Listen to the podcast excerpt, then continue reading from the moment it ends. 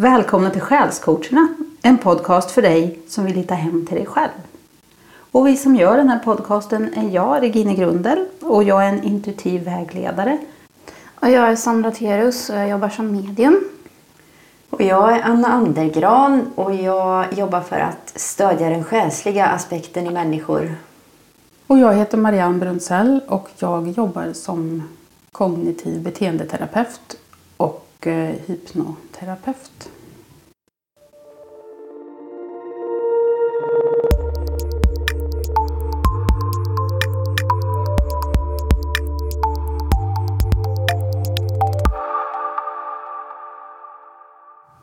Ja, jag tänkte fråga Anna, vad är det du gör för någonting?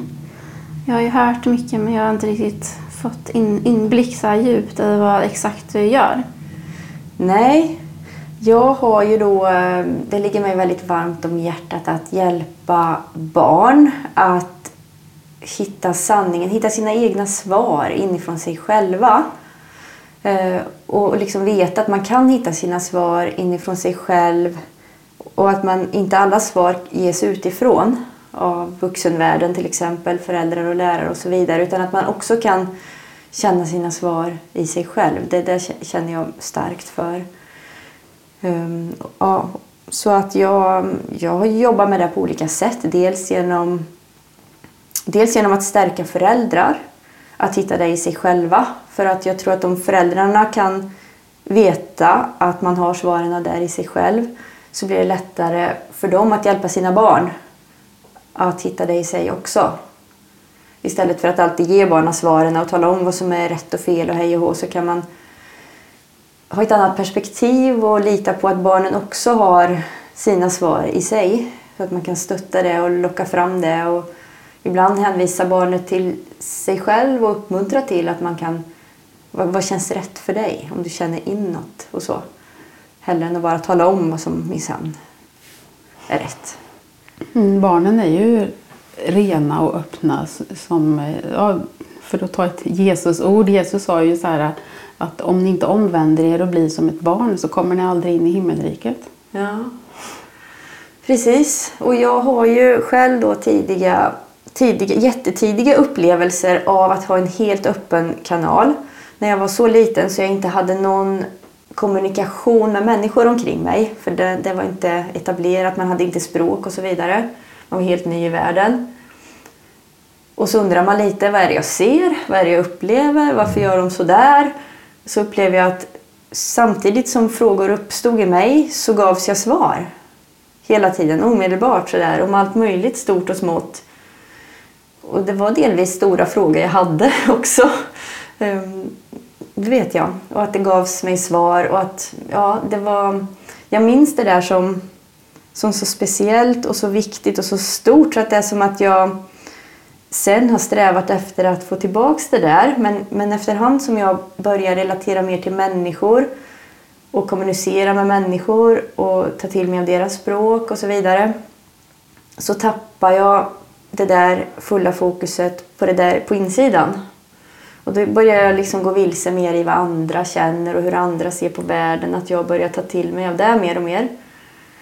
Så sen har det varit en lång och arbetsam resa under ett helt, helt liv. Jag är ju inte klar med livet än, men i alla fall 40 dryga år. Att liksom sträva tillbaks till det där, att hitta de där svaren som bara känns så där helt rätt och sant och varmt. Från urkällan som ja, du precis. om. Mm. Och jag är ju inte där men jag känner att jag närmar mig och att jag får svar ibland. Eh, så, men det är ju inte det där ena som det var i början av livet.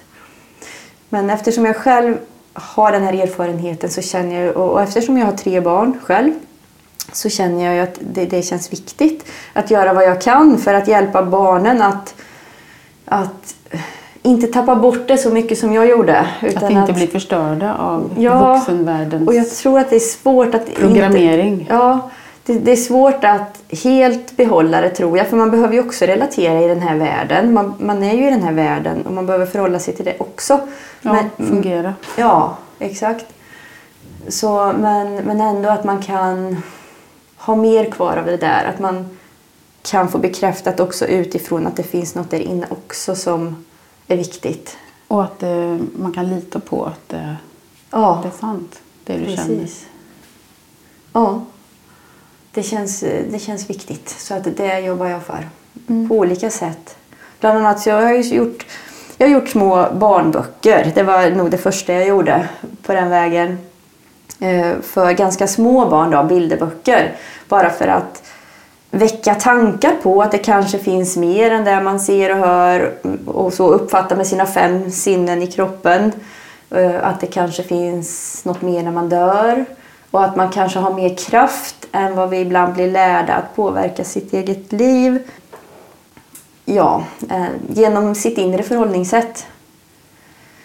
Det har jag gjort. Det var roliga kreativa projekt. Så det är inte perfekt. Det är väldigt barnsliga bilder och så. Men det, det vill jag också visa barnen att man, man kan skapa saker utan att vara proffs. Utan att omvärlden behöver godkänna att det är rätt eller att det är enligt någon mall bra. Utan jag kan göra det på mitt sätt. Jag kan liksom bara...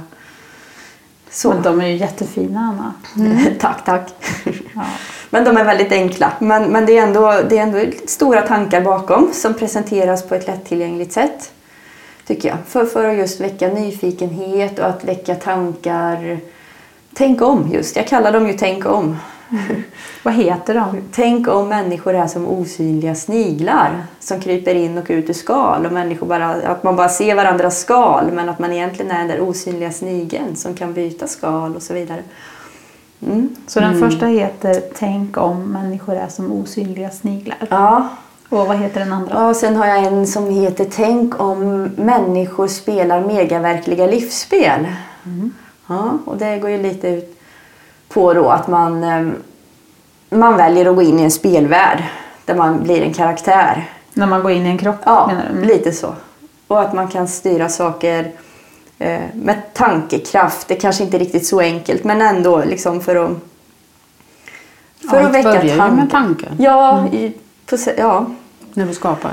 Ja, jag tror kanske att det börjar redan på själens nivå innan man går ner i, i kroppen också vissa saker. Men sen styr man ju också på något vis, åtminstone på detaljnivån, med tanken först. Som leder till handling och så vidare. Mm. Men sen har du gjort mer saker. Ja, precis. Sen har jag ju också gjort eh, en kurs. Mm, Webbaserad kurs och då är ju den i och för sig på engelska då.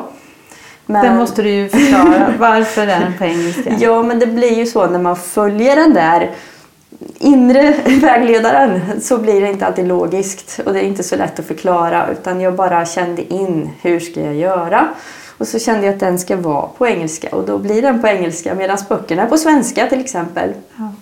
Men då når du ju ut till fler. Så är det ju. Mm, och jag kanske når dem som behöver nås av just det då. Och man vet aldrig, det kanske blir någon svensk variant på något vis också någon gång. Men än så länge har jag gjort på, på engelska. Eh, Videoavsnitt och arbetsblad som förälder, förä- föräldern Eh, eller någon nära vuxen då går igenom tillsammans med barnet. För att guida barnet till att upptäcka sig själv. Det är faktiskt så att man upptäcker att man har en kropp. Det vet man ofta om att man har. Men att man också har tankar som, och att man har känslor. Och att under allt det där så finns det ännu mer. Och jag tar ju också upp då till exempel det här med andlighet, att man kan uppfatta saker andligt eh, utifrån sig själv. Och det här kan jag tycka i och för sig, det kan vara känsligt att ta upp med barn innan de själva tar upp det. För det kan, eh, det, det är så även med barn att de också har en fri vilja vad man vill ta till sig av och inte och vad man är redo för och inte. Så det kan, man kan vara lite försiktig med att just själv ta upp att det kan finnas en andevärld om inte barnet själv uttrycker rädsla eller att man har upplevelser. Man undrar vem är det där som inte syns men finns ändå. Man känner närvaro eller vad det kan vara. Då kan man bemöta det. Men i min kurs då för att täcka alla de här nivåerna så tar jag även upp att sånt kan förekomma. Att man kan uppfatta saker på andra sätt än genom de fem sinnena. Och att man ännu djupare i sin innersta, mittersta mitt, där kan man känna vad som är sant och rätt och där kan man känna sitt ja och sitt nej.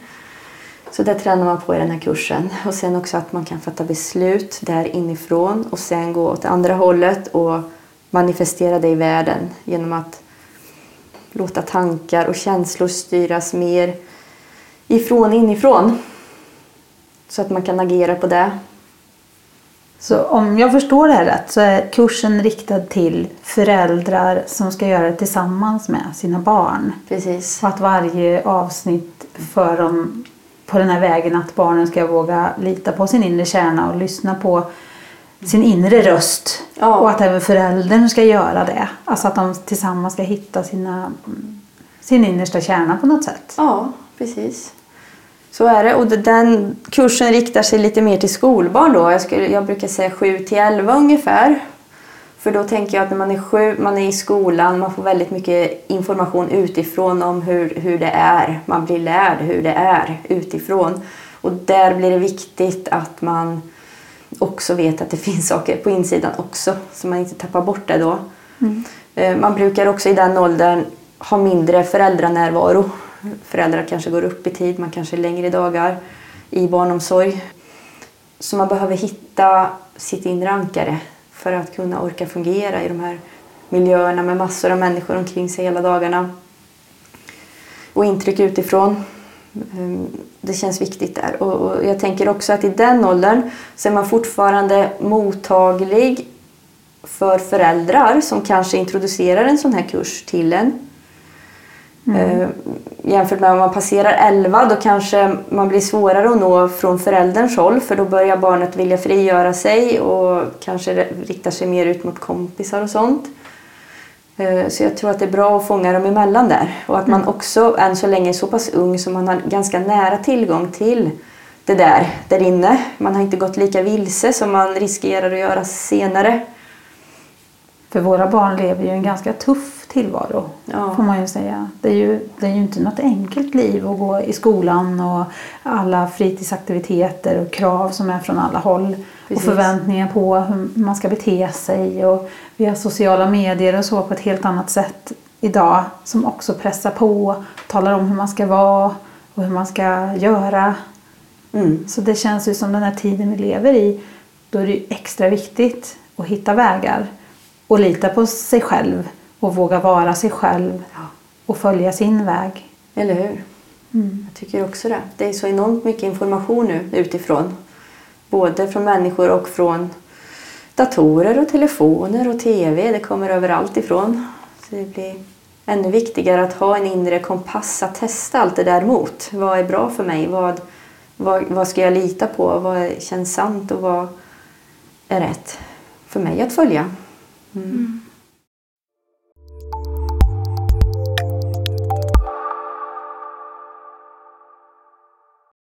För jag har en fråga, en liten avstickare kanske, eller om det kanske är helt fel fråga också. Men jag, jag har en dotter som är snart två. Och just det här med dagiset, alltså vi ska liksom introducera dagis och, och sådär. Och jag upplever henne som att hon är, alltså hon är så fäst vid mig. Så det här är en separationsångest deluxe som hon har. Och hon har liksom, det känns som att hon nästan går bakåt lite i tiden på grund av den här förändringen som hon gör. Och den är både jobbig för mig och för henne. Hon börjar drömma mardrömmar och det, det är väldigt intensivt där. Så det blir nästan som en trots nu som jag upplever från henne. Och jag vet inte riktigt hur jag ska göra för att det känns som att skulle jag vänta ännu längre med dagis kanske det blir svårare för henne att alltså, acceptera att nu lämnar hon kanske får en mer förståelse att nu lämnar jag dig på dagis och hon kanske undrar varför eller, eller om hon redan kanske är i det här stadiet att hon varför lämnar du mig eller att det är en övergiven känsla. Men vad tror du, vad, vad är bäst? Hur ska jag känna in och hur, alltså, vad är bäst för, för henne i det här läget? Eller kanske ha någon in, inblick liksom. Ja, alltså det är ju ja, inte lätta frågor det där. Jag tycker vi lever ju i en sån tid när vi faktiskt lämnar barnen tidigt och det känns ju lite på gott och ont faktiskt. Så är det. Jag tror att många har svårt med just det där. Det har jag också haft. Det, är en, det är en förändring som delvis inte är helt självvald. Både för dig och henne kanske. Det är ju ofta så. Så jag, jag, jag tror ju på att man, att man accepterar att det känns så, både i sig själv och i barnet. Att man, att man liksom eh, sveper in det här i, i kärlek, i, i både sig själv och barnet och bekräftar att, eh, att, att, man, att man accepterar att så här känns det. Det här är svårt och jobbigt för er. För då tror jag ändå att det är lättare istället för att liksom tycka att eh, det är inte så farligt. Var inte så ledsen. Eller liksom, det, går, det går över. Det blir roligt. Eh, utan att man istället eh, liksom förstår och, och ser barnet där barnet är. så att eh, Samtidigt som man inte alltid kan göra det barnet vill. För det är också en del av den, den här resan genom livet. Att man behöver ju lära sig. Ibland så får man gå igenom tuffa saker också. Ibland måste man möta saker man behöver lära sig att skiljas och, och ja, skiljas från människor och möta nya människor. Och ni skiljs ju inte för alltid men man behöver ju lära sig det där att människor och, och situationer, allting kommer och går, Kommer allting och rör går, sig. ja. Ja. Mm. Ja, för jag är liksom, tanken har ju tagit mig liksom så okej men ska jag ta med henne hem igen? Jag hoppar över den här dagisdelen. Men det kanske blir värre tänker jag om Ja. hon hinner bli lite äldre. ja, Kanske. kanske. Så det, ja, men det är en svår, svår Det grej liksom. Det är jättesvårt. Det är ju svårt.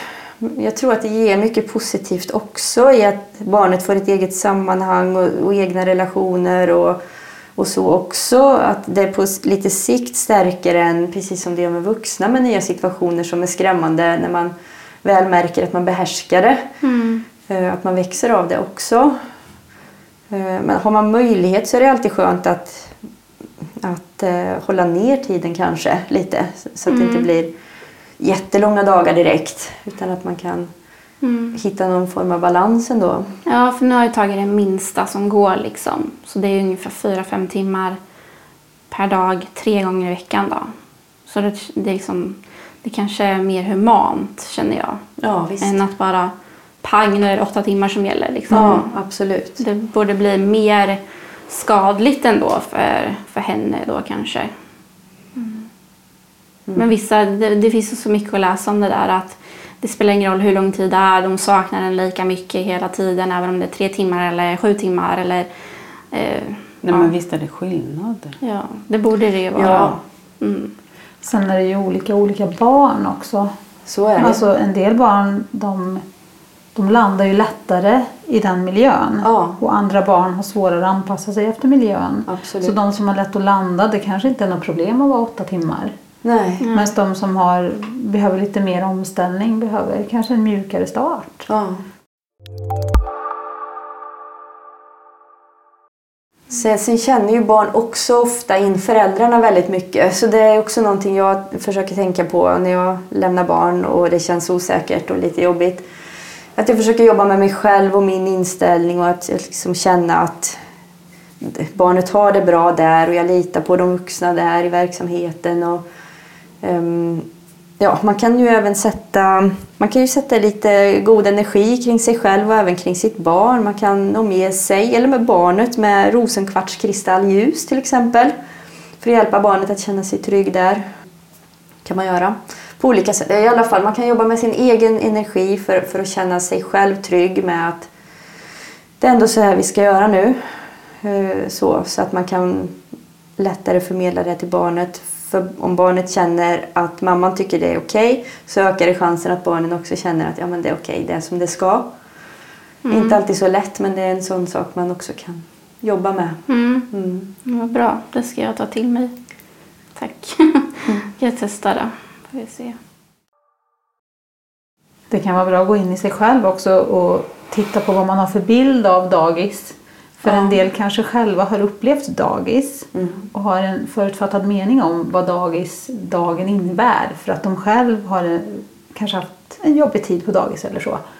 Då kanske det är ens egen bild av hur jag hade det Mm. som man för över på och tror att barnen har det så. Mm. Så det är också viktigt att vara, liksom, kolla lite på sig själv. Alltså, Ja. vad, vad är min upplevelse där? Vad är min känsla av det här? Och är det verkligen så här mitt barn upplever dagis eller hur jag tror att de upplever dagis? Mm. Så ett tips är ju att kolla med personalen. Hur ser dagen ut och hur beter sig mitt barn under dagen? Är det bara när vi säger hej då som, som mitt barn är ledset? Alltså hur ser det ut sen? För man går ju omkring med den bilden av när man lämnar barnet sådär där ledsna. Jag hade, jag hade en son som var så fruktansvärt ledsen varje dag. Varje dag bara skrek. Sen ringde jag efter en kvart och då läckte han med de andra barnen. Det var inget. Nej. Bara själva separationsögonblicket. Ja, och då gick ju jag med den bilden. Mm. Nu går han Liksom, och gråter hela dagen. Han är så här ledsen. Ja. Det trodde jag att det var min verklighet. Mm. Det var inte hans verklighet. Nej. Så det är viktigt att, att kolla av hur är det Mm. Ja, det är många steg att bli föräldrar. Ja, det är det verkligen. Inte bara en dans på rosor, det är många jobbiga Oh, grejer. ja. Ja, men det är en intensiv eh, ut, personlighetsutvecklingsupplevelse Ja. också att vara förälder. Verkligen. Och det är ju bara det här att ta en ny roll och ansvara för en annan person. Ja. Men samtidigt så får man ju möta sig själv på ett helt nytt sätt. När man ska vara en förebild och, och guida en annan person. Och man får ju möta sina egna upplevelser också. Oh, ja. Det går inte att smita längre då. Nej. Nej. Utan de trycker på alla knappar också och triggar allt som man har försökt Oh, ja. gömma under ytan. Liksom allt kommer fram så här. Så det, Ja, ja. alltså är det.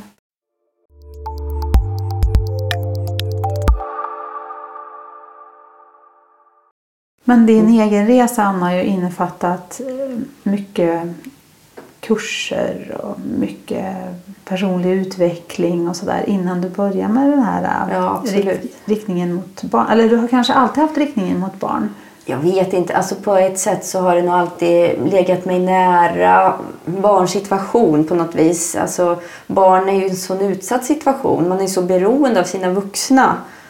Eh, Så det, det har jag nog alltid känt för barn så. Och gärna tagit barns parti lite grann. Så, och att det, det är just viktigt att se att barn också är sina egna.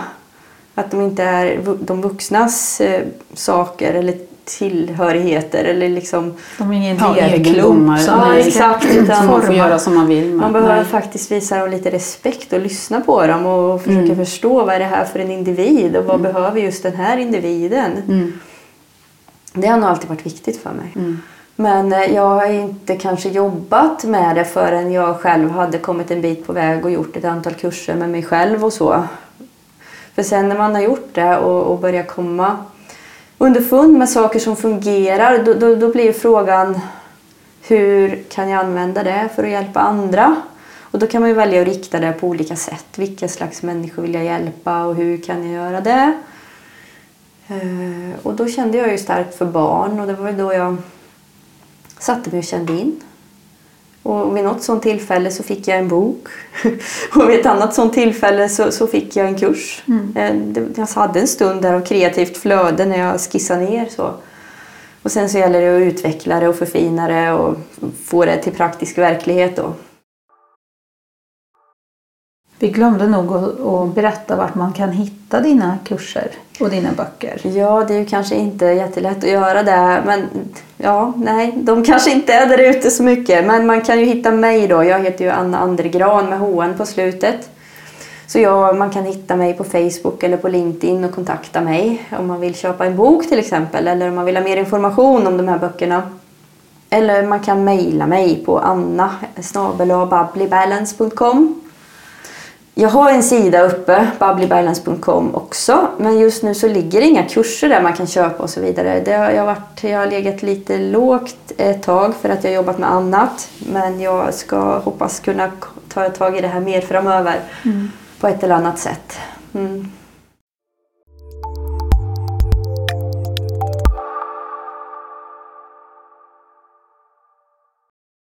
Jag tänkte på det här med barn och andlighet. Det, det kopplar ju egentligen ihop med det som Sandra berättade förra veckan. Mm. Det är ju också någonting som jag har tänkt på att man säger ju ofta att barn är mycket mer öppna och nära sin andlighet när de är små och att det socialiseras bort. Mm. Eller programmeras bort eller vad man nu väljer att kalla det för. Mm. Det här arbetet du gör, är tanken också att de ska behålla sin andlighet? För vi pratar om connection med sig själv Mm. och sitt inre. Men är det också så att det är viktigt att ha öppenheten kvar så att man inte stänger ner den för då blir det svårare kanske att öppna upp den senare. Det här vet jag inte vem av er, Sandra eller Anna, som ska svara på riktigt men jag slänger ut frågan. Ja. ja, för min bild är nog att om man är nära hemma i sig själv så upplever i alla fall jag att då har jag den här kontakten också med de som är mina specifika änglar, hjälpare, guider. Då finns det där bara. Sen har ju inte jag personligen öppnat så mycket för att kommunicera med andevärlden så det är kanske mer en Sandra-fråga. Men jag tycker ju att det är viktigt att om barn förmedlar att de upplever saker så ska man ju ta det på allvar och, och lita på att deras upplevelse är verklig. Oavsett vad man själv tror på så har de en upplevelse som är verklig för dem. Det tycker jag är jätteviktigt att man kan bejaka dem i. Kanske ställa öppna frågor för att få veta mer eller fråga hur det känns. Känns det bra eller läskigt eller liksom sådär. Att man inte stänger dörren och säger nej det finns inte, du inbillar dig bara. Utan att man ändå kan möta barnet där barnet är om sånt kommer upp. Vad säger du Sandra? Mm, nej, men jag håller med dig Anna. För det är viktigt att liksom, för jag tror att just där om, om ett barn ska behålla den här andligheten eh, kvar så är det väl att det är lite av oss vuxna som bestämmer det. För att blir det som att man skulle säga att nej det finns inte, du inbillar dig, det är bara fantasi. Då blir det att man successivt inte tror på sig själv Mm. och stänger dörren till det. Så att jag tycker att det är viktigt, har man en låtsaskompis så låt ditt barn ha en låtsaskompis. Liksom. Eller att man ser någonting och kanske man, låter barnet få prata om det, lyssna i alla fall. Även om inte en vuxen kanske tror på det. Men, för det där kommer att lägga sig automatiskt. Men jag tror också som Anna sa tidigare att det är viktigt att inte, om man nu är medial och som jag är eller andlig, att man inte börjar prata om den här världen innan barnet är redo. För att då kan, det kan bli liksom lite snett. Det är de inte redo för heller utan kommer det naturligt för barnet så är det mer normalt och bättre för barnet än att jag ska Ja men nu ska vi gå och prata Pracka med på, ja. min mormor här. Ja. Och hon har ingen aning om Alltså det. Det går liksom inte. Utan finns det naturligt där så finns det och då visar det sig med tiden liksom. När det är moget för det. Mm. Så att jag tror det är det som är viktigt.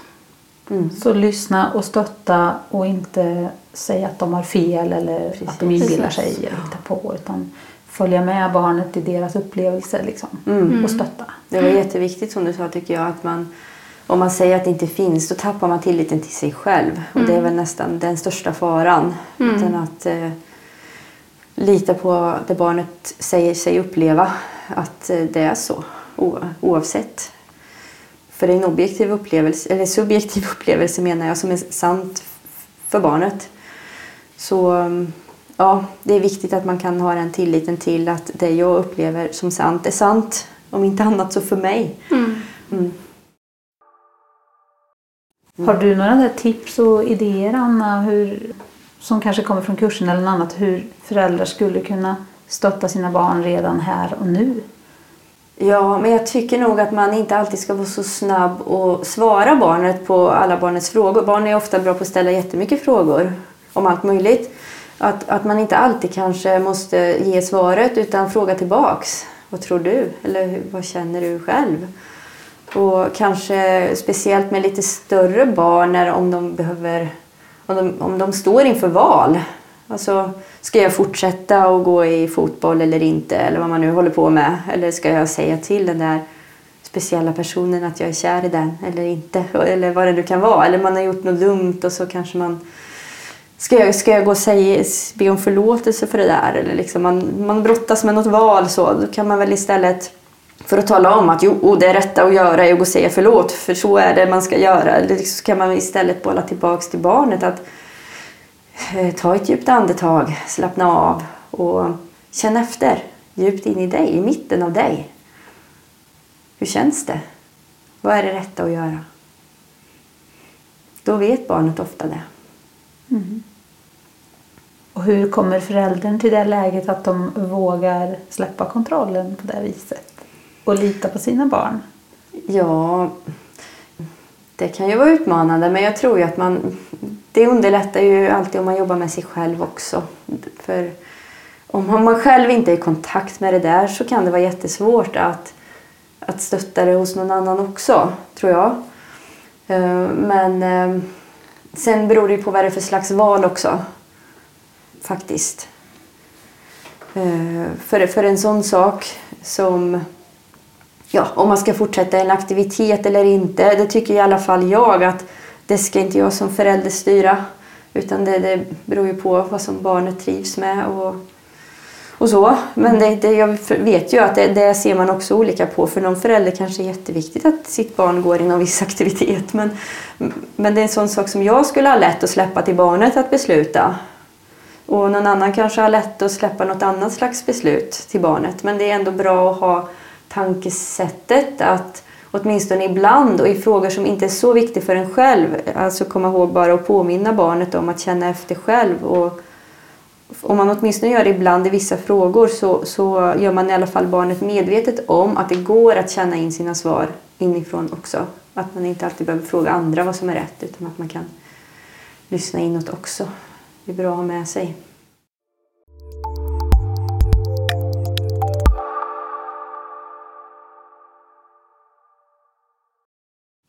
Som en avslutande fråga, skulle du kunna ge tips och idéer och tankar om hur man hittar hem till sig själv som förälder? Hur gjorde du? Oj, den frågan du. Ja, den är inte så liten. Nej, alltså för mig så har det varit en lång resa. Så det är ju inte så att, um, att det är något man gör snabbt och lätt. Utan det har jag jobbat med mig själv mycket på många olika sätt. Så, och det kan man ju göra. Um, men, men att åtminstone om det är en tuff situation, om man känner att man är i stress, att man är på väg att skrika åt sitt barn till exempel, att man kan bara ta ett djupt andetag, bara stanna upp sig ett par sekunder om inte annat och försöka att utan att omedelbart agera i, i sådana här situationer så kan man bara känna efter. En liten kort stund extra, det kan göra stor skillnad för att kunna känna bättre vad som är rätt. Ja, det, det är väl den, den korta, alltså om man ska göra någonting snabbt i stunden i alla fall. Mm. Men, men annars så är det ju att, att, att kanske meditera eller kanske gå någon kurs om man känner sig dragen till det eller vad man nu har för sätt. Någon kanske gillar yoga, någon, man, en del motionerar mycket. Det kan också hjälpa för att rensa saker ur systemet som stressar och liksom tömma. Eh, Så alla har ju sitt sätt, men jag tycker att eh, hitta ditt sätt att veta vem du är. Alltså känna att du landar i dig och, så att du vet vad du står för och vad som är viktigt. Jättebra avslutande ord tyckte jag. Vad tycker ni? Har ni några fler frågor till Anna? Ja, tack så mycket. Det var tänkvärda ord. Tack, tack. Kloka grejer. Ska du bara dra igen vart man hittar dig?